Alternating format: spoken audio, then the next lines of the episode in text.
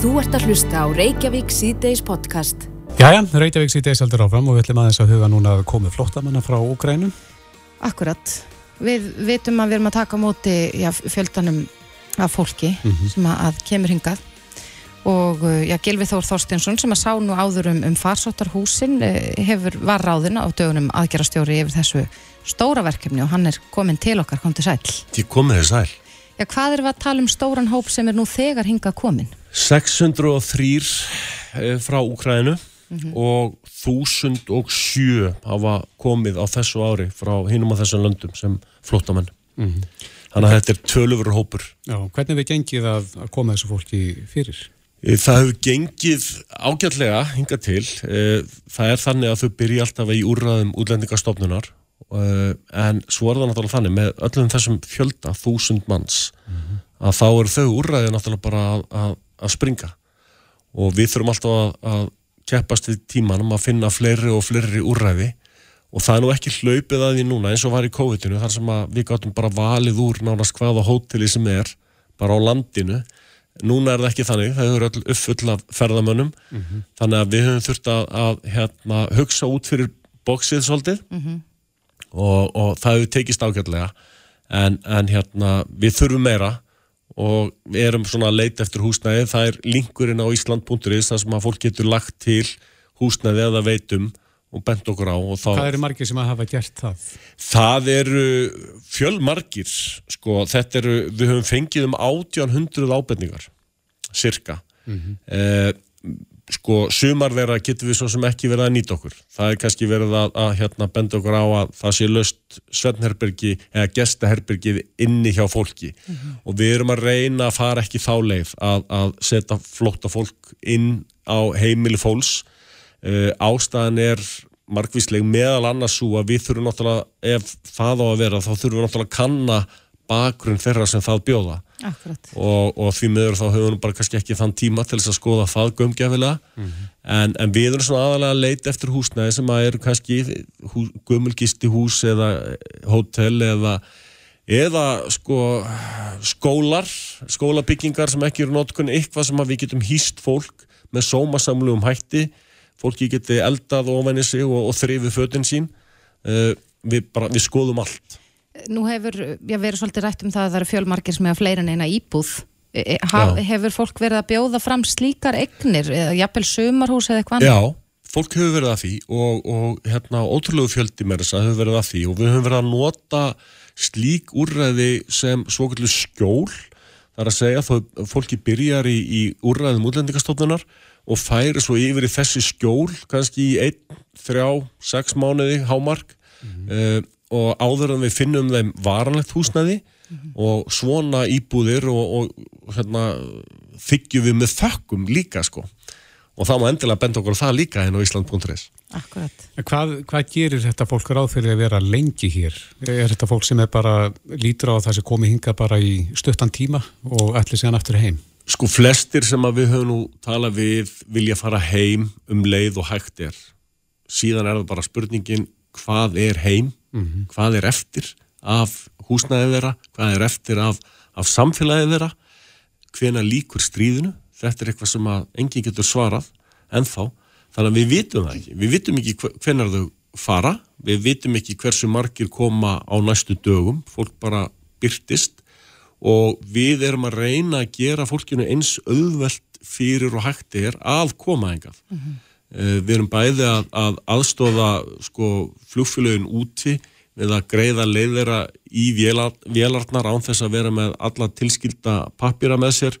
Uh, við erum að taka upp núna í nótkun svona frumskráningu varðandi heilsufar og annað líkt og gert var í COVID-inu þannig að þegar fólk er að leggja á stað til landsins þá getur að byrja að skrá hilsufarsupplýsingar og annað sem flýtir fyrir ferlinu. Þannig að það er verið að reyna allt sem hægt er til þess að gera þetta ferli eins auðvelt og frekast er und En þeir opniðu núna dögunum móttöku miðstöð. Já, Það hlýtur að breyta miklu og, auðvelda ferlið að einhver leiti. það er gífuleg breyting. Við opnum það svona, með formlegum hætti í gær inn í Dómusmedika, það hefur verið að keira þetta svona 50 dag og 1. dag svona til pröfu og það gengur rosalega vel, við náum að afgreða þarna 30 manneskjur í gær með bara búsettuleifi þannig að hérna það gengur rosalega vel og við höfum eftir að auka við þjónustuna í Dómus. Bæði á fjölmenningasettur eftir að koma hérna inn sem að sérum að vísa fólki inn í sveitarfjölög og, og svona í lengri búsettu mm -hmm. og flerri aðilar þannig að þetta hérna, þetta á eftir að reynast okkur og þeim mjög vel þannig er helsugjæslan með aðstöðu þannig að lekniskoðun fer þetta fram uh, röngan upp á berglapróf og annað þannig að þetta er, þetta er hérna, draumi líkast hvað hérna, þetta gengur vel og vonandi heldur það áfram að ganga jáfnvel. Mm -hmm. Það vakti aðteklum daginn þegar að e, frétti barast að því að ofsæðslafi greipi um sig hjá börnum upp ásprú út af e, hérna, þótugni. Já. Þá þurfti að hafa ræðar endur. Já, og þetta er náttúrulega eitt af því sem við þurfum alltaf að vera vakandi yfir. Að þannig er fólk sem hefur upplöðað skelvilega hluti. Mm -hmm og er náttúrulega í misgóðu andlugu ástandi. Eh, þarna gerist það að, að þetta úrræði útendingarstofnunar sem var valið fyrir þennan hóp sem er mjög gott úrræði og mjög fallegt úrræði eh, var of nálat flugveldrum eh, að, að fyrir þessi börn mm. og, og, hérna, og þá var það bara þannig að við þurftum að flytja þau í kvelli annað og að sjálfsögur bara gerði við það. Mm -hmm. En er þessi börn að fá einhverja sálræna aðstóð út af þessu? Já sko nú er það fannig að stór hópi þessa fólks er ekki meðferðartækur eins og sagt er. Það það er að segja eh, tramað er það mikið að þau þurfa aðeins að fá að, að finna öryggi áður en að það er byrjuð einhver meðferð. Og þetta eru upplýsingar sem við fáum bara frá okkar helstu sérfræðingum í þessum málum. Eh, það er náttúrulega að sjálfsögðu fáðu þá þjónustu sem þau þurfa ef, ef, að, ef að þau óska eftir því eða e, aðilar útlendingarstofnarar eða annar að telja að þau þurfa á því að halda. E, en það er ekki unnið markvist að þeim strax með meðferðarstígi. Nei, en hvernig er, er hópurinn samsettur? Nú höfum við þetta heyrt fréttir af því að, að allir karlmenn úkrænskir eh, bara standa vaktina í Úkrænu. Er þetta mestmægnis konur og börn og þá eldra fólk? Þetta, já, þetta eru mestmægnis konur. Eh, það er, það er undar komið færra af börnum en við byggumst við. Er, þetta er ekki nema 27% þeirra sem komið hafa eru börn undir 18 ára. Uh, og það er ekkit ofbóðslega mörg börn á grunnskólaaldri uh, þó nokkur kannski á framhaldsskólaaldri. Uh, þannig að það eru færri börn en við byggust við. Og það er kannski eitt eins og við höfum verið þegar við vorum að hlaupa staði upp að við að leita húsnæði fyrir fólkið. Þá vorum við að leita húsnæði fyrir fjölskyldu fólk eh, núna höfum við þurft að, nýta meira húsnæði fyrir sko, einstaklinga og jafnvel setja saman einstaklinga saman tvær, þrjár konur í húsnæði ef hægt er. eh, en, en það eru færri börnum við byggust við allavega ennþá, hvað svo sem verður En hvað ætli valdi því? Já, það er reyndar góð spurning. Við vitum það nú svo sem ekki með vissu hvað það er sem veldur því en, en að einhverju leiti er það kannski það að, að uh, þegar þú ert komin með börn í fyrsta skjólið sem er kannski Póland mm -hmm. að, að þá, þá býður aðeins við og, og lefur börnunum að jafna sig og ef að, ef að allstæður eru nógu góðar eins og í Pólandi að þá kannski lætur það duga að vera þar en við vitum það svo sem ekki. Akkurat næstu skref, er þetta að spyrja því er, er, er við með eitthvað svona spáum það hversu mörgum við búumst við á næstu vikum? Já sko við erum að fá að meðaltali þetta 20 til 30 á dag uh, sem að þannig hefur þetta verið, þetta hefur verið að fara í allt samt sem áður alveg upp undir 50 manns á dag. En svo stundum vel niður fyrir það líka. Þetta er um 50 flug sem er að koma frá Pólandi og nákvæmlega ríkjum á viku. Eh, þannig að það er ómælt að segja hversu margir koma, við vitum heldur ekki hversu margir hafa komið án þess að sækja um verndin á Íslandi. Það, við vitum það að það eru, það eru fólk að koma með vélum frá Pólandi sem hefur ekki sótt um vernd ennþá, það þarf þess ekki, það getur verið hér í 90 daga sem ferðamenn af sjengensvæðinu án þess að sækja um verndina, eh, kannski fer það fólk strax aftur heim eða eitthvað annað, þá bara eftir að koma í ljós en, en sá fjöldi gæti verið töluverður án þess að hafa gefið sér fram. Hvað þólir kerfið stóran hóp? Já, þetta er nefnilega mjög góð spurning. Þetta er eitt af því sem við erum að kortleggja núna þess að dagana, hvað kerfið þólir stóran hóp. Ef að hinga kemi beðinu um að taka á móti 100, 150, 200 manns e, þá er það bara spurning ráðu við við það allt í einu og þetta er einmitt það sem við erum þessa dagana að kortleggja á samt almannavörnum og öllum þeim aðilum sem að þurfa að koma að því kerfi, svo sem eins og útlendingarstofnun, lauröklu, sveitafélónum og flerum, mentamálróðandi og ég veit ekki hvað og hvað.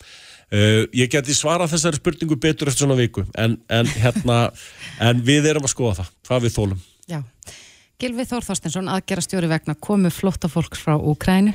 Kærar þakkir fyrir komuna. Takk. Þú ert að hlusta á Reykjavík C-Days podcast. Jæja, Reykjavík C-Days eh, heldur áfram. Eh, bændaþing bændaþingin í lótið, má segja Akkurat, og þetta fór fram um helgina og, og kannski frettir af... Já, fyrir helgi, öllu öldur Já, akkurat.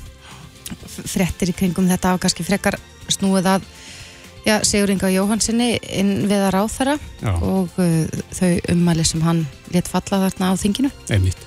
Og það er lítið farið fyrir því sem að bændur voru nú að ræða á þessu þingi. En eh, á línunni er Gunnar Þorkesson formaður bændarsamtakana, kom til sæl Já, góðan daginn. Það er búnaða þingið sem að er til umræðu og uh, þú hoppaði nánast hæðina þegar ég sagði að við vildur ræða eins það sem kom fram á búnaða þingi Já, já, algjörlega. Fjölmiljónir hafa haft áhuga á ykkur allt öðru heldur en nýðustu búnaða þingsi sko. Já, er hérna það er svolítið fallið í skuggana þessum þessari upp og komu Já, en förum að sé vel að hver var búin að þings þessu sinni?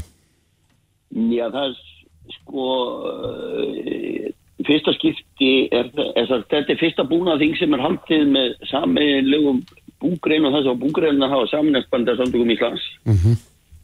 og uh, þarna voru fulltrú að búgreina deilta bændarsamtakana sem að voru að ráða ráðum sinum og annað sem var mjög aðtilsvært við þetta ágæta búna að þinga þetta fyrsta skipti í 60 ára sögu bænda fóruldunar það sem að búna að þingi er ekki haldið á hótelsögu mm -hmm. heldur á hótel Natura þannig að menn voru svolítið svona áttaviltir á því hvað þau voru stattir í tilverðinu en við vorum fljóta að finna fókusin á því mm -hmm.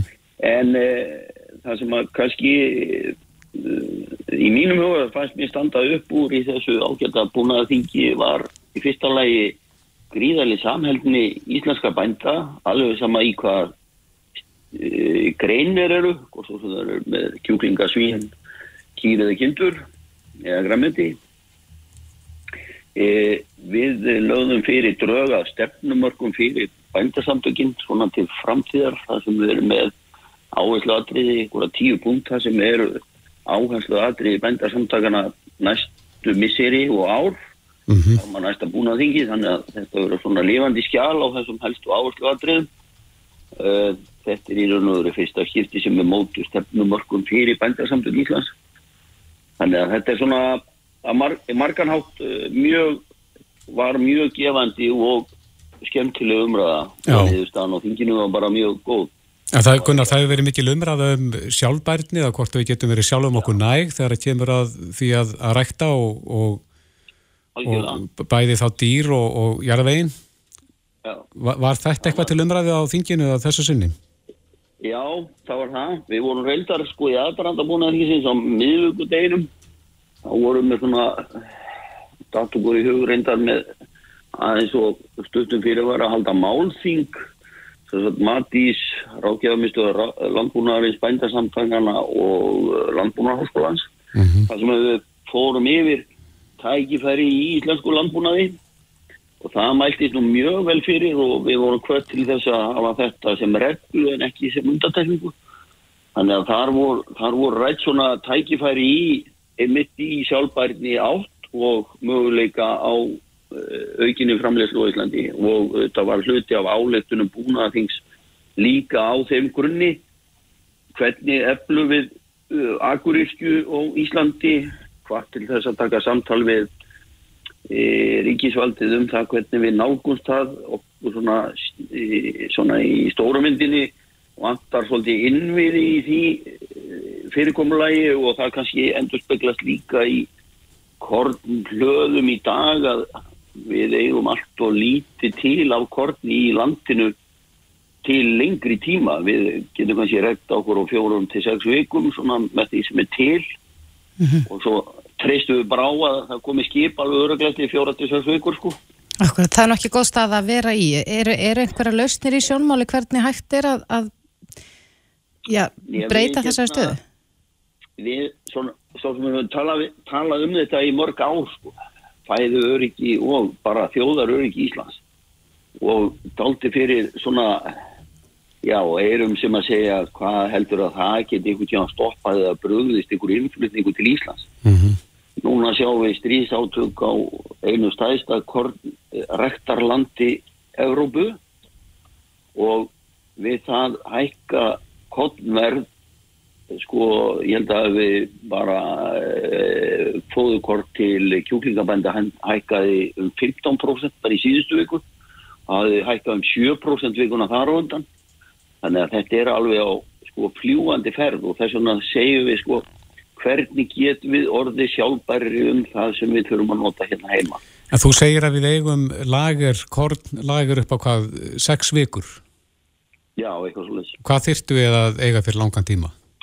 Já, sko, í mínum huga finnst mér nú eðlert að við værum með byrðarhald sem að myndi endast okkur í svona fjóra til sex mánuði, sko. Mm -hmm. En uh, uh, það, því að það verist ekkert verið örugt í þessu lífi, sko. Það sem að maður kemur mann alltaf orð fór að til dags já. Já. já, við sjáum það núna mjög skýrt Já, já, algjörlega en mér fannst nú ráða með þjóruna sem að heldu ræðu á búnaðinginu að það er heilmikið það er heilmikið hlustu núna á fæðuöryggið sko og meiri sé að sko voru fulltrúar á búnaðingi frá sko hinnum ímsögstofnunum sem er að velta fyrir sér stöðu já, neða byrða í landinu. Eins og þjóðarauðvíkisráð þjóðarauðvíkisráð var á búnaðinginu mm -hmm. sko, Er það nýmæli? Já, það, það er eitthvað nýtt sko. En uh, það er bara jákvæmt og, og ég held líka eins og ráðmenni eh, töluðu við okkur sko það er aukin hlustun á þessi skilabóð þetta sko fyrir stríð það er náttúrulega ótrúlega að maður skuli tala svona í dag sko að fyrir stríð þá var engin hlustun í þessa átt sko, bara alls ekki. Nei. Einmitt, þannig að e, þið eru bara bjart sín eftir, eftir þetta búnaðing Já, þetta mjög, uh, tókst mjög vel og í allir, alla staði nema þessi skuggi sem kom þannig á 15. kvöldi sem að við náttúrulega kerðum svo bara búnaðingið ánfram á förstu einum og svo er náttúrulega helgin farið í það, ræðum það en ekki um álefni búnaðingsins tímuðu Já, þetta er fallið svolítið í skuggan Það hefur gert það en, en svona er nú lífið. En heldur þú að þetta atvik muni dragun til hvað eftir sér hvað bændasamtökin varðar? Nei, ég bara, ég, sko, í mínu huga held ég að við séum búin að segja það sem maður þarf að segja. Og, og, Málinu lokið af ykkar halvu? Ja, algjörlega. Ég, nú viljum við bara hálfa fram á veginn, sko, því að uh, eins og ég viðskrift búin að þingsins var, sko, þá var það, sko, landbúnaði til framtíðar, sko. Já og hvernig, hvernig ætlum við að halda ánfram, ánfram veginn sko. Mm -hmm. framsýt landbúnaður eins og við skriftum var á búnaðingin Akkurat. Gunnar Þorkesson formaður bændarsamtakana uh, ánægilegt að heyra að, að þingja að við hefnast vel þó að það hefði ekki farið mikið fyrir fréttum að því. Já, bara takk fyrir að sína því áhuga. Tjæra þakki fyrir spjallið. Takk kjærlega fyrir þetta. Takk spleis Þetta er Reykjavík C-Days podcast. Er það segir hér í fréttin á fréttavef Ríkisútafsins að Þórtis Kolbrún sé mögulega á leið til hundar við Selenski. Áhugavert. Já, það segir hér að utanrikiðsáþara Noregs sagði samtali við norska Ríkisútarpið og hún muni ferðast til kænugars með öðrum utanrikiðsáþarum Norðalandana til þess að funda með Selenski. Mhm. Mm Þannig að hún verður vantarlega innabárst þar, hún þórtið skólbún. Akkurat, það verður spennand að fylgjast með því ferðalegi, en talandum ferðalög. Mm -hmm. Ég er eina af þeim sem er, ég er ekki byrjað að skipuleika sömarið og fekk því svona smá fyrir hjarta þegar ég rakst á frétta á mbl.is í morgun að það er að verða uppselt í uh, fjölmarkar ferðir á vegum ferðarfélags Íslands. Hefur það verið þannig á þessum ástíma síðustu ár? Já, nú veit ég það ekki, en það er vist á að vera mjög erfitt að fá gistingu í skálum ferðarfélagsins mm. í mhm. sumar en uh, það er spurning á maður að vera búin að skeipilegja sumarið Pál Guðmundsson, Frankværtastjóri ferðarfélags Íslands er komin til okkar, kom til sæl Já, komin sæl, takk fyrir er, er þetta venjana að, að það sé orðið uppselt í til dæmi skálagistingu í byrjun april? Þetta hefur nú verið svona að breytast svolítið mikið síðustu ár hjá okkur Íslandingum og, og hérna fyrir nokkurum árum svona voru við stundum að gera svolítið grína þjóðverjum hvað þeir væru skipulæðir og, og svona langt á undan sér í, í skipulagningun en, við sjáum stöður fleiri landsmenn Íslandinga að skipulegja sig lengra og lengra fram í tíman þannig að, að það er svona síðustu ár er það nokkuð algengt að hópar hafi verið að bóka bara strax um, um höstið eða um áramót sum, sum, fyrir sumarið. Mm -hmm. En hvernig, eh, hvernig lítur sumarið út? Nú hefur við heyrt það hér síðastleginn tvö ár eh, í heimsfaraldurinnum að við neittumst innan gæsalappa til þess að ferðast innanlands og eh, já, líka, okkur líkaði það bara mjög vel. Erum við að halda því áfram? Já, það var, það var mjög ánægilegt og, og svona sjá allan þennan stóra hóp og fólk sem konsti ekki erlendis að það fór að ferðast meir um Ísland og, og, og við höfum alltaf sagt að að því meira og betur sem þú kynnist landinu þínu því meira áhuga hefur að sjá meira og ferðast meira og hérna, það var svona það sem gerði svolítið í, í þessum COVID tíma við sjáum, sjáum nýja hópa koma inn í starfi hjá okkur og, og, og mældu það reyndar bara í, í hátt í yfir 2000 nýjir félagsmenn sem komu inn í, inn í ferðarfélagið á þessum síðastlinum tveimur árum. Þannig að við verðum í fyrsta skipti yfir 10.000 greiðandi félagsmenn eða 10.750 og hérna Hver hefur svo tala verið svona öllu jafna? Hún hefur svona verið á, bylinu sko 7 til 9.000 svona síðastliðin 10-15 ár en, en, en þó alltaf aðeins vöxtur í, í því en, en fyrir 15-20 árum kannski þá, þá voru sko 9 til 10.000 félagsmenn en núna tölum við um greiðandi félagsmenn því að ef þú greiðir ekki árgjaldi í, í 2 ár þá, þá ertu tekin af félagsgrunni Þannig, Hvað eru vinsælustu ferðirnar hjá félaginu? Sko friðlanda að fjallabaki og, og það svæði allt saman hefur svona lengi verið í stærsta starfsvæði félagsins og þar er þetta lögavegurinn og þósmörk og mjög áhugaverðar margar leiðir þar allt í, í kring en, en síðan Horstrandir, það hefur verið svona annars stór starfsvæði hjá félaginu þar sem við erum með á hverju sumri 10 til 12 svo kallar sumalefisferðir, lengri ferðir. Þannig að þessi tvö svæði hafa svona verið, verið svona síkildi og stöðug vinsælsvæði í okkar starfi en, en síðan líka raun og veru út um allt land og allan ringin, bæði viknarslóðir sem er gríðarlega vel skipulagt og aðgengilegt eh, gungusvæði og lónsurafi og stafafellsfjöldi í lóni. Mm -hmm. Þannig að, að það er, er mjög víða að finna góða gungulegir og áhugaverð svæði en, en þetta eru svona okkar, okkar vinsalistu sveiði. Já, en eins og ég sagði þegar ég opnaði þessa frett í morgun þá fekk ég svona uh, nokkur auka slög við það að það væri uppselt í, í skála og svo er já, uppselt í einhverja ferðir líka skilst mér. Uh, er það er ekkert að bæta við ég skil að það er ekkert að bæta við skálum en, en verður bæta eitthvað við ferðum í, í þessar svona vinsalistu leiðir? Já, við erum stöðt að vinna með það bæta við nýjum og nýjum ferðum e, eftir því, hérna, og við lærum það nú í COVID að vinna svolítið með þetta bara á, á netinu og byrta þetta með stafrænum hætti og það hefur gefist mjög vel og við erum þá svona stöðt að, að koma með nýja ferðir eftir því sem að selst upp og, og hérna munum halda því áfram og, og svona fram, fram í, í sumarið en það er kannski verra með skálaplási sem að þá eru orðið full bókað en, en hérna en við höfum séð þetta síðustu ára löga við vorum sérstaklega, er, er mjög vinsæl og, og, og þar eru erlendir ferðamenn sem eru að koma bæði á eigin vegum eða, eða í gegnum ferðarskrifstúður, það er svona stærsti hópurinn af þeir gista í skálunum mm -hmm. uh, og, og það er mjög ánægilegt að heyra af, af ferðarskrifstúðun sem eru að skipulegja slíka ferðir að það er þær bera sér vel og sumar lítur vel út Það er, er samstarfið við ykkur? Já, svona, þetta eru svona bara ferðarskriftstof sem að kaupa pláss uh, hjá ferðarfélaginu og fá ákveðin fjölda plássa fyrir sumarið og eru að vinna, vinna með það mm -hmm. Ég man eftir því ég held að það hafi verið líklegast 2020 þá var talað mikið um sko hlutfallið þeir sem ganga löguvegin sko Íslandingar á móti erlendum ferðamennum og, og auðvitað voru erlendi ferðamenn alltaf tölverst fleiri, breyttist það á síðastlega tveimur ára? Já, það breyttist og, og svona hlutfall Ís, Íslendinga var mun meira en, en kannski svona jafnaði sirka því að hlutfalli vann og orðið ískikilega hátt. Eða maður orðað svo að það voru, það var komið upp í alltaf því 90% erlendi ferðamenn sem voru að ganga lögavinn en, en svona síðustu tvo ár þá fór það kannski nýri í 40-50% eða var kannski sirka svipa mm -hmm. en, en núna eru við þegar að sjá sko merki þess að erlendi ferðarmenn er að ná yfirhundinu aftur á, á lögaveginum og en hérna en, en það er eins og það er og Íslendingar líka svona kannski ef það eru mjög fjölsóttir svona túristastæðir eða ferðarmannastæðir þá kannski sækja Íslendingar á önnu svæði mm -hmm. Er einhver svona stjarnar, ný stjarnar í, í náttúrunni sem að við erum að uppgöta núna og verður vinsar leið í sumar?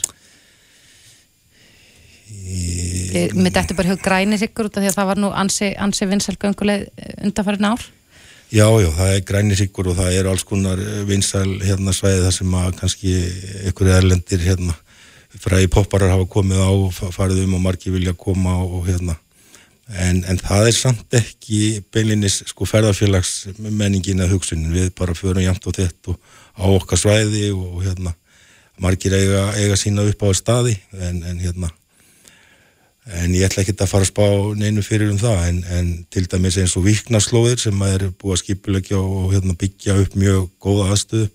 Að það svæði var til dæmis mjög vinsalt í fyrra og meðal sko og, og hópa Íslendinga að fara og fara þannig fjara fymta ganguferð. Mm -hmm. Hver er þinn uppáldstaður? Þósmörk og Hjeginsjörður og reyna að komast alltaf til þess að þrjus ára minnstu kosti yfir sumatíman í, í Þósmörk, langar helgar eða, eða dvelja þar um tíma en, en síðan, já, Hjeginsjörður og, og Kvandali sérstaklega, svona, eði dalverfi upp, upp af uh, Hjeginsjörði. Mm. Svo skiptir veðrið gríðarlegu málið ekki? Jú, veðri skiptir auðvitað alltaf miklu máli en, en það er enn orðið þannig að búnaðurinn er svona góður og það er, það er bara orðið svo einfalt að klæða veðrið að sér og, og, hérna, og það er oft bara mikil upplifun að lenda í þess vegna vondu veðri. Ef þú ert vel búinn og getur staðið af þér þá, þá er það líka oft mikil upplifun en, en auðvitað sækjustu eftir því að ferðast um landið í góðu veðri og, hérna, en, en það, er, það er ekki alltaf þannig. Nei En það var eflust margir, já, byrjað uh, að ferðast um landið og kannski að stunda út við síðastleginn tvö ára, en fyrir þá sem er ekki enn byrjaður og vilja byrja, Hva, hvernig á maður að gera það? Já, sko, það er enniblega aldrei á sent að byrja og, og hérna, og þú átt þá bara öll þessi ára eftir sem að, hérna, frá því þú byrjar og, og öll þessi svæði eftir að skoða og sumi sem hafa verið að ferðast í ára tíu þeirra ennþa eftir að skoða eitthvað á landinu, en, en það er gott að byrja bara hægt og rólega og bara með einföldum stuttumferðum byrja bara stuttumferðum á jársléttu og fyrir sig síðan áfram á minni fjöll og, og síðan að sækja sér þekkingu og, og hérna, sækja námskið að læra svolítið á hvaða búna þú þarst og læra GPS-tæki að skyndi hjálp og, og svo þarst að læra hvernig þú vaða í strömmvötnum og og stunda vetrafjallamennsku og allavega og þar er hægt að sækja slík námskeið hjá ferðarfélag Íslands eða, eða fjölmörgum öðrum aðilum. Við höfum verið að vinna svolítið mikið í því að gera áhættumat fyrir göngulegðir, þar sem við höfum svona skilgreint allar hættur sem eru á þeirri leið sem er tekinn fyrir og það er hægt að fara inn á heimasíðu ferðarfélagsins og, og sækja þetta áhættumat fyrir alltaf 30-40 göngulegðir og bara með því að lesa yfir áhættumati þá áttar þið ótrúlega mikið á þeim aðstæðum sem þú veist að fara í og, og svona í hverju þú getur lent og það er, svolítið, það er mjög mikilvægt að hugsa alltaf ef þú ert komin í brattabrekku eða í kletta eða þú ert að vera meðvitaður um hvað getur gæst og, mm. og áhættumatið er segið svolítið mikið til um það. Og hvaða búna þarf þá í hverja ferð? Jú, þú þarft alltaf ákveðin svona lámars búna og það er náttúrulega mikilvægt að byrja bara á góðum skóm. Og þeir þurfa að vera ákveði stífir og kannski náðu fyrir öklan og, og svo framvegis. Og þetta er svolítið misant eftir hvernig gönguferðir út að fara í. Síðan þarfst að vera bara í góðum göngufatnaði sem að svona já, andar eða heldur ekki raka og því að það er slæmt fyrir göngumann að verða blöytur og þá getur orðið kaldur og hérna Þannig að það er svona mörgum einföldum atriðum að huga en, en skipta mjög miklu máli. Mm -hmm. Já, spennandi ferðasumar framöndan. Pall Guðmundsson, Frankundastjóri Ferðarfélags Íslands. Kæra takk fyrir komuna. Takk fyrir. Þetta er Reykjavík C-Days podcast. En e, yfir í allt aðra salma. E, fyrir stuttur síðan tók til starfa nýtt ATHT teimi helsugæslu höfuborgarsvæðisins og uh, þetta var áður uh, undir landsbytalanum og, og eins og við höfum oft heyrst rætt um uh, bygglistar, mm. mjög langir. Og lengjast. og lengjast. Hann er komin til okkar Elvar Danielsson yfirleiknir í, í ATHT teimi heilsugjæslu höfuborgarsæðisins, kom til sæl. Sæl. Já, það er nú ekki langt síðan að þetta teimi tók til starfa í, í, núna bara í upphau árs. Já, við erum hófum störn núna fyrsta februar mm -hmm. þá kom teimis fyrst saman og, og í rauninni fórum að staði að í, í þessa þróunarvinnu að skapa þetta teimi við gáttum auðvitað hort mjög til teimisins á landsbítalunum sem var, sem, að, sem að var mjög faglega stert og gott teimi e, og gáttum, gáttum tekið með okkur margt að því góða sem þau gerðu þar en, en sáum líka að það væru kannski hluti sem við þyrstum að gera líka aðeins öðruvísi mm -hmm. Er þetta bara fullaði fólk sem að þið eru þá að vinna með þetta? Já, okkar, okkar eh, hérna, teimi heitir því þjálunarfni G-helsu teimi HH ADHD fullorðina og, og, og er, er sem sagt eh, við erum að sinna átjánar á eldri og svo er, er, er G-helsu miðstöð barna sem á stofnun núna 1. april undir helsugjæslu höfborgarsæðisins sem að sinnir börnum Mm -hmm. En uh, nú er mikið búið að tala um byðlista og, og að ja, byðin eftir ADHD greiningu hjá fullornum hleypur á árum, þrjú árið að meira. Um, hvernig ætli þið að vinna á þessum vanda? Það er stóra spurningin sko. Já, það er, það er alveg, alveg rétt að byggðlisti að hafa náttúrulega eru langir og hafa verið langir núna um landskeið og við fengum einmitt, uh, það hafði sapnast upp byggðlisti á landsbítalanum og við fengum þann byggðlista til okkar núna í, í, í byrjun mars um, og, og þar eru þar er, er fólk sem á beðinir frá því 2000 og átján, snemma ást 2018 þannig að það var svona einmitt akkurat fjögur ár mm -hmm. Um, það sem hefur eins og sko gerst í millitíðinni líka er að, að það hafa um, stóð, uh, stóð til að þetta teimi færist yfir í helsugessluna og var, var ákveð í, í fyrra og, og, og það fór að berast mjög fljótt beðnir til okkar uh, og, og borist mikið núna ja, í, semst, í haust og fyrstu mánuðum ársins. Þannig að núna er beðlistin í rauninni orðin ansi mun mikið lengri. Það voru um, um það byrja tæplega 700 manns á lista landsbyttalans en við erum núna komin í rétt tæplega 1200 manns á okkar bygglista við auðvitað viljum geta gert vel í þessum áluflokki við viljum auðvitað umfram allt uh, veita góð þjónustu skila af okkur uh, niðurstöðum greiningaferðlis sem að er þá vandað greiningaferðli og þar sem að sumir munu þá greinast með ADHD og, og, aðrir munu ekki uppfylla greiningaskilmerki eh, áskorunin eru auðvitað þessi langi byggðlisti, alltaf fólk sem er búið að býða eh, í ár, nokkur ár eh, og og svo þar á móti stærð okkar teimis, við erum allavega eins og staðnir í dag, mjög lítið teimið við miður, við viljum til þess að, vinna, uh, til þess að ná að, að, að hvað ég segja, gera þetta verkefni vel að þá þurfum við að, að stækka. Hvað náðu það að sinna mörgum, segjum bara mánuði? Já, það, sko, eins og, eins og staðan er núna, akkurat í dag að þá erum við með uh, tvo sálfræðinga í teiminu, sálfræðinga til munum og svona taka höfupartin af greiningavinnunni, að þá erum við með tvo sálfræðinga sem að samtals eru í svona réttur umlega 100% stöðu og það eru ekki mörg greiningaferli þá per viku, það eru kannski fjögur, uh, til fimm mm -hmm. fjóra, til, fimm einstaklingar sem að þá færu í gegnum greiningaferlið og, og, og svo kemur niðurstaða hvort að viðkomandi sem að háti eða ekki e, og það er svona aðar flöskuhálsin þetta greiningaferlið því að svo sjáum við fyrir okkur að, að, að meðferðin e, hjá okkur að það, það verði ekki, ekki bygglistar í hana mm -hmm. Hva, Hvað bætast margir að bygglistan á viku? Það, uh, það hefur aðeins hægt, akkurat, akkurat, þetta er reiknistæmi sem að hérna, svona, eins og staðin er núna, mann finnst útkoman frekar svona grá. Um, það hefur aðeins hægt á því. Í janúar fengum við um 230 beðnir, svolítið færi eitthvað rúmlega 100 beðnir í februar og svo hefur hægt á núna. En sennilega var ákveðinu uppsöfnuð þörf, landsbítalinn hafði eðlilega hægt að taka við beðnum þar sem að það stóð til að leggja niður teimið og, og, og fólk svona hafði sennilega beðið svolítið á hliðalínunni mm -hmm. og svo þegar að teimið þegar stefnir í að teimið fara að opna og svo þegar það opnar að þá náttúrulega fer fólk af stað, þegar nú ætti ég kannski að fara aðtúa mín mál mm -hmm. þannig að það er svolítið erfitt að segja hvað það verður núna næstu mánuðum mér finnst ekki þetta ólíklegt að það verði á bylnu 10 til 15 beðnir í viku eins og, eins og þetta horfur við okkur núna allavega. Þannig að beðnirnar verða í raun fleiri en, en uh, teimið mun geta sent.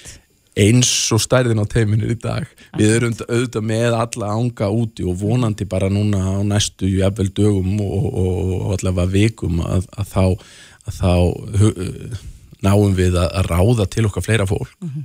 En er hægt eitthvað að, eh, sko, hvernig er hlutfall? Það eru x margar beðinir sem að koma inn, hversu margir ganga út með greininguna ADHD, mm. hversu margir ekki? Já, sko ég hef ekki, ég hef ekki neinar upplýsingar um það frá ADHD teimi landsbítalans og í rauninni get ekki svaraði fyrir okkar teimi að því að Við vorum semst í þessar undirbúnisvinnu núna í februar og, og lungaður mars og í, í síðustu viku í rauninni byrjuðu við á, í móttöku skjólstæðinga. Mm. Þannig að það er rauninni bara í síðustu viku sem við förum að hitta skjólstæðinga og höfum kallað inn fólk. Þannig að við erum ekki minn en að statistík yfir það hversu margir fá greiningu af þeim sem koma til okkar í greiningaferli. Nei, en uh, ég þykist nú vita það að flestir kannist við einhver enkenni að þið háti, bara að, að senlega já, gleima hlutum eða vera utan við sig eða eitthvað slíkt er, er, er við við veitum ekki alveg hvernig orða þetta er, við, er fleiri, fleiri með ADHD eða er þetta hreinlega fleiri er að greinast? Er ADHD að verða sko, meira? Mm. aftur af hvað á Já, já, þetta er alveg bara golden question sko. Og, og þú veist, það er náttúrulega er þannig að við erum öll með enkenni ADHD, við erum, eigum öll til að gleima, við eigum öll til að, að ver, að, svona, berjast við einbettinguna okkar. Við, og við, við erum hérna þannig bara í rauninni þegar að þessi enginni verða mörg og eru til staðar eh, lengri tíma frá valda hömlun í okkar lífi og, ja, og skerðing á lífsgæðum og það er þá sem að við Uh, uppfyllum þessi skilmerki fyrir ok, nú er þetta orðið að, nú er þetta ADHD, þetta er sennilega eitthvað sem þú þart einhverja hjálp við. Um, og þá spyrir maður sig, og það sem að þú veist að spyrja er, er, af hverju er, svona, er þetta svona miklu meira einhvern veginn í umræðinu núna, af hverju eru svona margir á bygglistanum, er við og eru við að, að greina á mikið eða eru við að greina á lítið? Og það er rauninni engi sem getur svaraði ef, ef einhver svarar því mjög svona svona eh, ákveðið þá, þá er það eitthvað gisk sko því að við, við, við getum ekki sagt alveg af eða á, erum við að greina mikið eða erum við að greina lítið? Um, þar sem að náttúrulega þessi svona, grei, svona greiningaferli er uh, þarf að vera vandað um, og, og, og, og er náttúrulega svona eitt hlut af þessar geðhelbriðst þjónustu sem við erum með á Íslandi. Og þessu eh, þjónusta eins og öllu önnu þjónusta um, er misjaflega góð.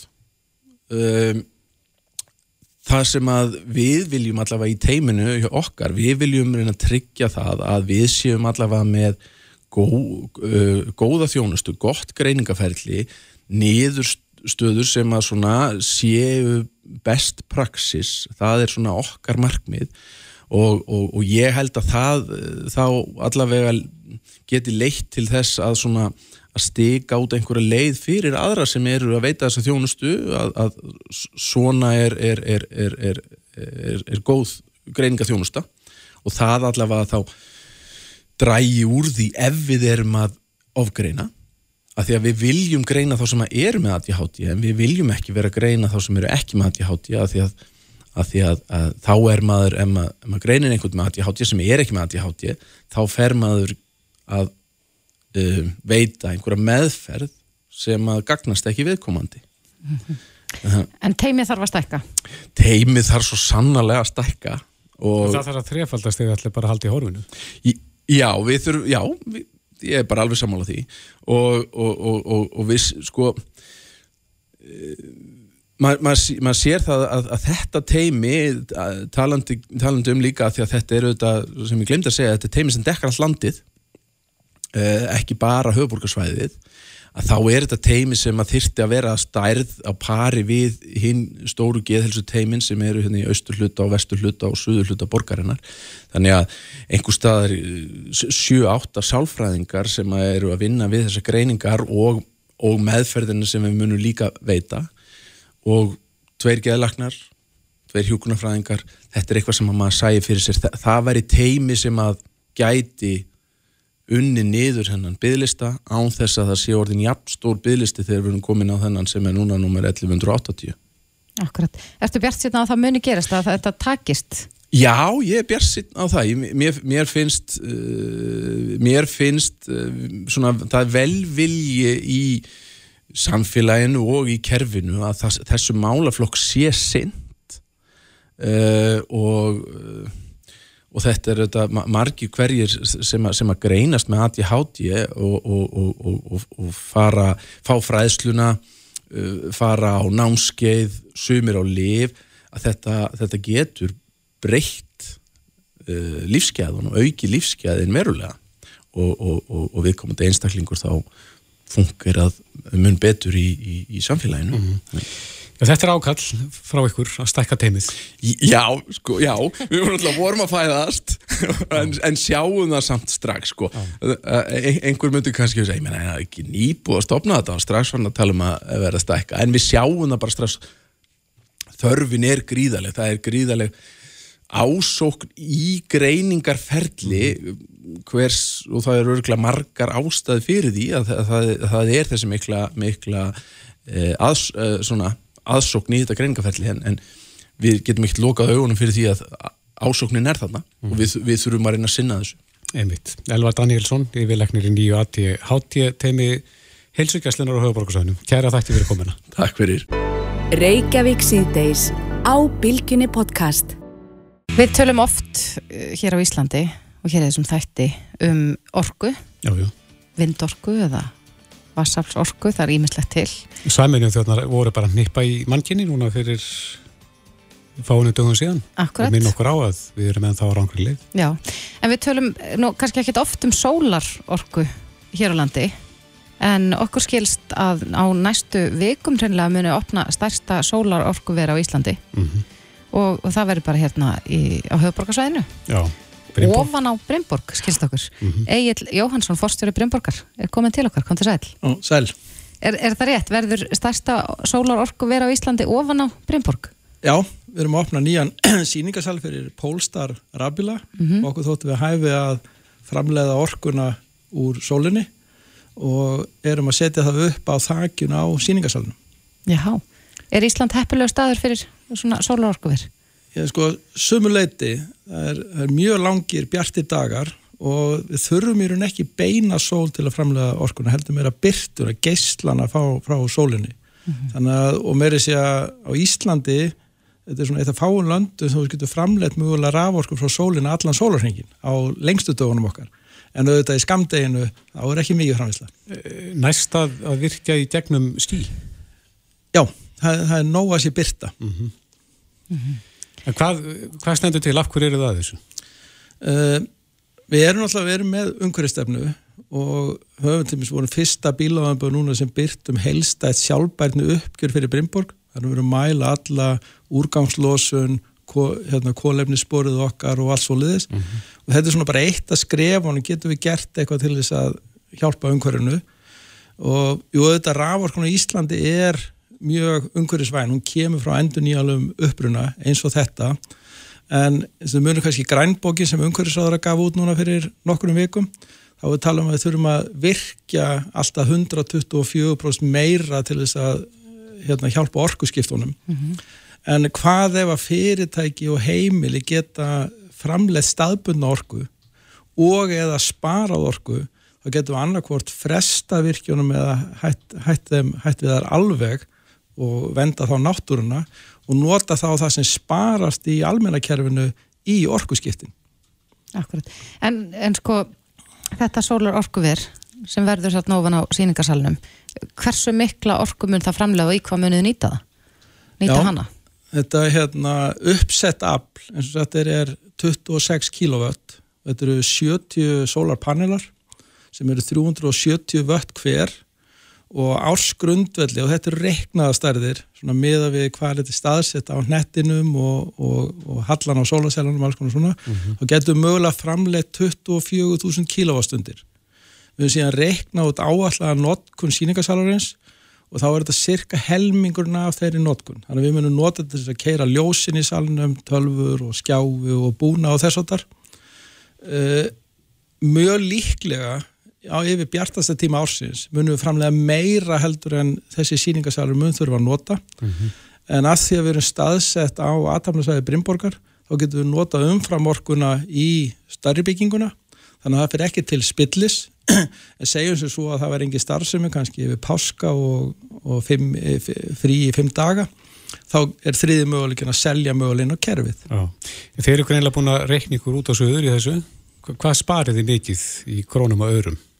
Eh, Ég er nú ekki með kannski hérna, hérna, akkurat króntölun núna en sólasælurnar eiga endast í að minnskosti 25 ár, það er 25 ára ábyrð á þessu. Og við reiknum með að ná fjárfestingunum tilbaka á svona 15 til 20 árum. En svo lítum við líka á þetta sem svona lærdom getum, getum við hérna, lært af þessu, getum við gert eitthvað betur næst, við erum strax farin að hugsa um næsta sólarorkus er, við eigum nefnilega mörg þögg og þetta er aldrei hafkamt að gera þetta ef maður þarf hvort er að breyta húsnæði þannig að til dæmis burðaverki undir sólusefnum það þurftum við hvort er að byggja þannig að það er eiginlega frítt fyrir sólarorkuverið og ef maður er að fara að byggja nýbyggingu eða þarf að endur nýja þak þá getur þetta verið ákveðin kostur Er eldi búnaður á þessu? Þau? Eld, er eldi búnaður? Elda speklarnir sóluna? Nei, við ákveðum að fara ekki þá leið fara bara þessar einfalda, þetta er bara fast en þetta húsnæði snýr í alveg harri að það átt, það snýr svona í suð-suð vestur, þannig að það er svona besta mögulega áttin. Þannig að við ákveðum að fara ekki þá leið það var einn mögulegi En þessir, þessir bílar uh, uh, sem verða í síningasalum, Já. Polestar, þetta er ný bílategund, satt, sem er að koma hingað. Jú, þetta er sænsku bílaframlegandi sýstur fyrirtæki Volvo en samt sjálfstæðu framlegandi og hann af sína bína sjálfur en nota tækni eins og áreistara tækni og þess að frá Volvo og alltaf einbetta sér að hreinur rafbílum og leggja mikið metnaði að hraða orkuskiptunum því orkuskiptun er ekki bara á Íslandi, þau eru um allan heim því að við þurfum öll að snúa og fara í enda nýjanlega orku. Og þeir eru konum með einn bíl núna sem er 100% rafbíl, þeir koma annar eftir 12 mánuði og eftir 5 ára ætlaði að vera að koma með að minnskosti fjóra gerðir þeir seldu 29.000 bíla í fyrra að vera búin að selja, selja á árið 290.000 bíla eftir 5 ár. Þannig að þeir rekna með gríðanum vexti emmi til þess að koma orkuskiptunum sem hraðast á. Þeir voru að semja við hertsbíla núna með að selja þeim 65.000 bíla á næstu 5 árum til þess að hraða orku, orkuskiptunum geta leikt rafbíla. Og þeir eru mjög framalega til dæmis í að vera með gagsægi í kólumslósun því að það er ljóst að þú framleiðir rafbíl þá losar fullt af hérna, kólefni það er ráefni sem var í bílinn framvísluferðinu var svoleiðis. Og þetta var fyrsti bílaframleiðandi sem gaf út gagsæga skýrslu þar sem hún getur bara séð að Polestar bíl sem kemur út á versmiðunni hann er búin að losa 26,2 tonn af kólefni en þegar hann fyrir notkun á Íslandi sem er svona drauma staður til að nota rafbíl þá bætir hann engu við sig en auðvitað er það síðra í landu sem búið til rafmagn úr, Er, úr hérna, er mikil kolum. eftirspurn eftir hreinum rafbílum hér? Finnið þið það að þetta verður góð viðbútt við? það er alveg sprenging núna þetta byrjaði rólega ívilnarnir frá stjórnvöldum byrjuði 2012 gerist nú lítið fyrstu árin 2019 sáum við aukningu 2020 mikla aukningu í fyrra gríðala aukningu og fyrstu þrjámaður þessa árs er 42% af öllum fólksbílu seldum á Íslandi hreinir rafbílar. Og í mars voru þeir 47% og mixi hjá okkur í Brimbók á 57% í mars. Þannig að þetta er svona bara að taka þetta er að rjúka upp alveg. Hverju spáið þið fyrir næsta ár? sko það sem stýrir mestu það er, það er greinlega eftirsputinu komin. Fólk vil skipta. Það sem takmarkar er úrvalbíla, hendar það þörfum allra og magnið en við sjáum að úrval er að aukast bara nánast í hverju mánuði, allir bílafræfndur að koma í fleiri og fleiri gerðir og það verður, sínist mér, algjör sprenging í úrvali 2023-2024 en ég er ekkert hissa þó að við værum komin í svona 85-90% á hverju ári reynir rafbílar Já, spennandi. Egil Jóhansson, forstjóri Brynborgar, kæra þakki fyrir þetta og gangi ykkur vel með sólar orkuverið. Takk fyrir Reykjavík síðdeis á Bilginni podcast. Jæja, nú er eh, fermingatímabilið hafið, má segja. Já, Nú er rekur hver fermingaveislan aðra. já, ég hef nú, svo sem bara, mér er ekki búin eina fermingu í ár, Nei. en ég hef séð það í kringum mig, hvernig fólki í kringum mig er að ferma eða fara í fermingar veislur Akkurat. og, en fermingar eru nú alls konar og uh, ég man nú eftir því þegar ég fermdist að þá voru já, þessar borgarlegu fermingar að sækja í sig veðrið, það voru einhver, einhverja nokkra hræður í hverjum bekk sem að, uh, fermdust með þessum hætti. Flestir fóru nú bara hérna í kirkjuna í hverfinu og fermdust þar. Einmitt. en þetta er að breytast. Já, uh, sko brottfall úr þjóðkirkjunu hefur verið eitthvert síðustu ár og kannski er, er besti mælikvarðin þessi?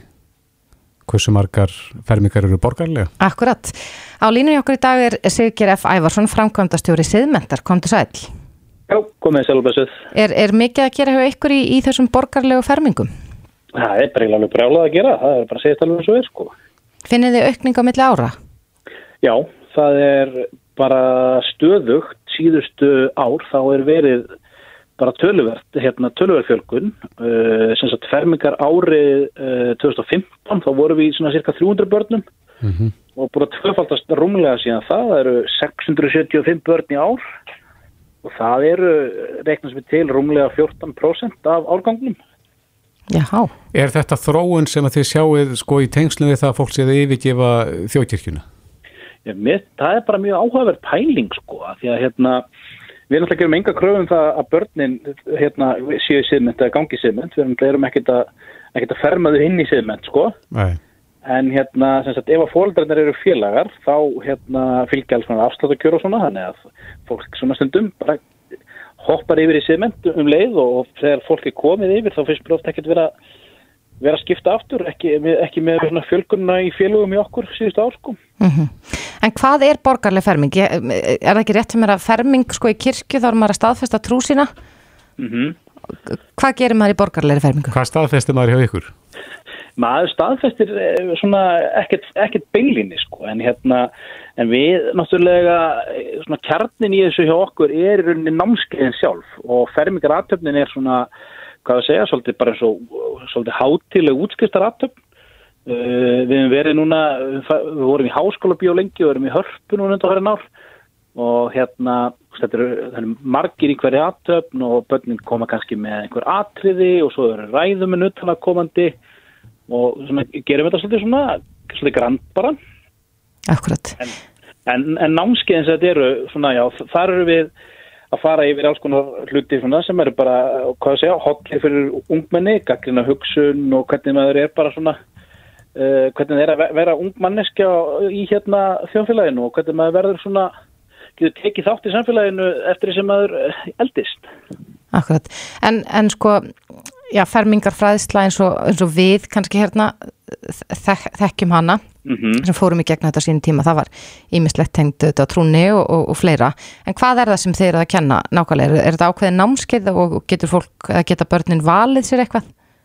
Já, þetta var svolítið, þetta er búið að vera svolítið í gangi síðan 89 og við höfum svona þróað þetta bara í takt við tíðarandan og, og lært að reynslunni og svona. Og þetta er, það var rosa mikil áhersla á heimsbyggi og, segja, og, og það er svo sem ennþá kjarnin í þessu og hérna, en við erum búin að þetta vikandi svolítið út og hérna buðum upp á uh, í ári fyrsta skipti alls konar nýjungar. Þannig að við fórum til dæmis með eitthvað sem við kölluðum svona innan hús siðmend undir jökli það var svona útivistanámskið þar sem var sett endað á jö, jö, jökulgöngu. Og það voru þú veist, stoppin hérna nýtt til þess að ræða heimsbyggilega vandamál og náttúrulega umhverfismál og alls konar og svona. Og svo vorum við með skapandi námskeið þar sem var kent í gegnum spuna og skapandi skrif og fleiri þeindur og svo hefur við verið að brjóta þetta upp við fórum á úljótsvatni fyrsta skipti núna það bara bókaðist upp á tveimur dögum þannig við erum bara veist, erum að prófa alls konar nýtt og gengur bara framar björtustu vonum myndi ég segja sko. Og eru síðan eh, veislur og fermingagjafir og svona bara hefðbundið eins og í já. fermingum? algjörlega, það er svona, ég heyr um stundum sko, hvað á ég að gefa þessum fermingabönnum, ég get ekki gefið þeim kross eða, eða sólmabók eða eitthvað alveg gæn, minna, er þetta að gefa þeim allt nema þetta trúalega sko. Akkurat. Er ekki peningar að verða algengasta fermingagjöfin?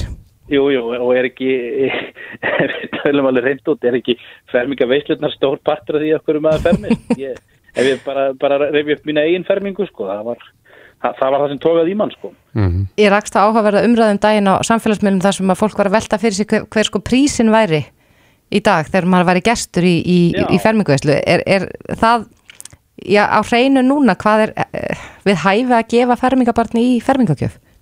Nei, þetta er góð spurning. Við, ég held að við, við skiptum okkur nú lítið af því sko. Þannig að hérna, og ég, ég held ekki, ekki að leipina fólki með það en ég held að sé, sé verðbólka í þessum svo öðru sko. Já. En það er alltaf eitthvað svona fermingætjafa vísitala? Já, ég, ég hef ekki kannad hana nýlega sko. Nei.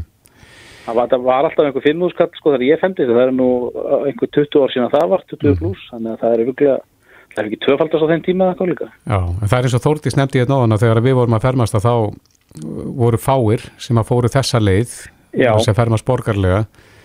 Uh, finnst þér þetta minna stingi stúf já, já, í dag? Já, algjörlega sko, við hefum séð það svona í sögum hverfum sko eða ákveðinu skólum, það var hérna til dæmis sko vestur í bæ voru held ég 80% af árgangnum í fyrra sem fóru í gegnum þetta. Já, og þannig að það er hverfa skipt hversu margir eru að fermast borgarlega og svo í kirkju ég, ég, ég held sko að þetta svona stundum þurfum bara einn að taka af skarið sko það er bara eins og, eins og ég, maður sér að og líka svona í minni sko hérna sveitur út á landi og svona, ég þekki hérna bara veginn reynslu, þá veist það að það ætlaði enginn að fermast borgarlega, svo var einn sem að segja jú, ég ætla að fermast borgarlega og allt í nú voru komin átta fermingaböld úr plossinu sko, þegar allir ætlaði að ferja kirkjuna. Þannig að, þannig að þetta er vissilega orðin meira mainstream, sérstaklega á höfuborgarsvæðinu en, mm -hmm. en þetta er alveg líka, þú veist, við erum alveg líka Uh, hvað var að segja, svona, þetta er líka spínustundum ákvörðun einhvern veginn að stökka yfir en, hérna, en heilt yfir er þetta bara orðið eitthvað val, bara valkostur fyrir sem mjög mörg börn hérna, velja sko. Já, já, og þetta er fermingatími núna, svo sannarlega. Já, það voru fermingar í hörpu síðustu helgi, 220 börn og mm -hmm. svo er annað eins 2003, þannig að það er bara, eins og segjum, það er bókstallega brjálað að gera þetta daginn í fermingum. Einmitt, Sigir F. Ævarsson, frangværtastjóri Siðmentar. Kæra þakki fyrir spjallið. Já, takk sem við leiðis. Hlustaðu hvena sem er á Reykjavík C-Days podcast.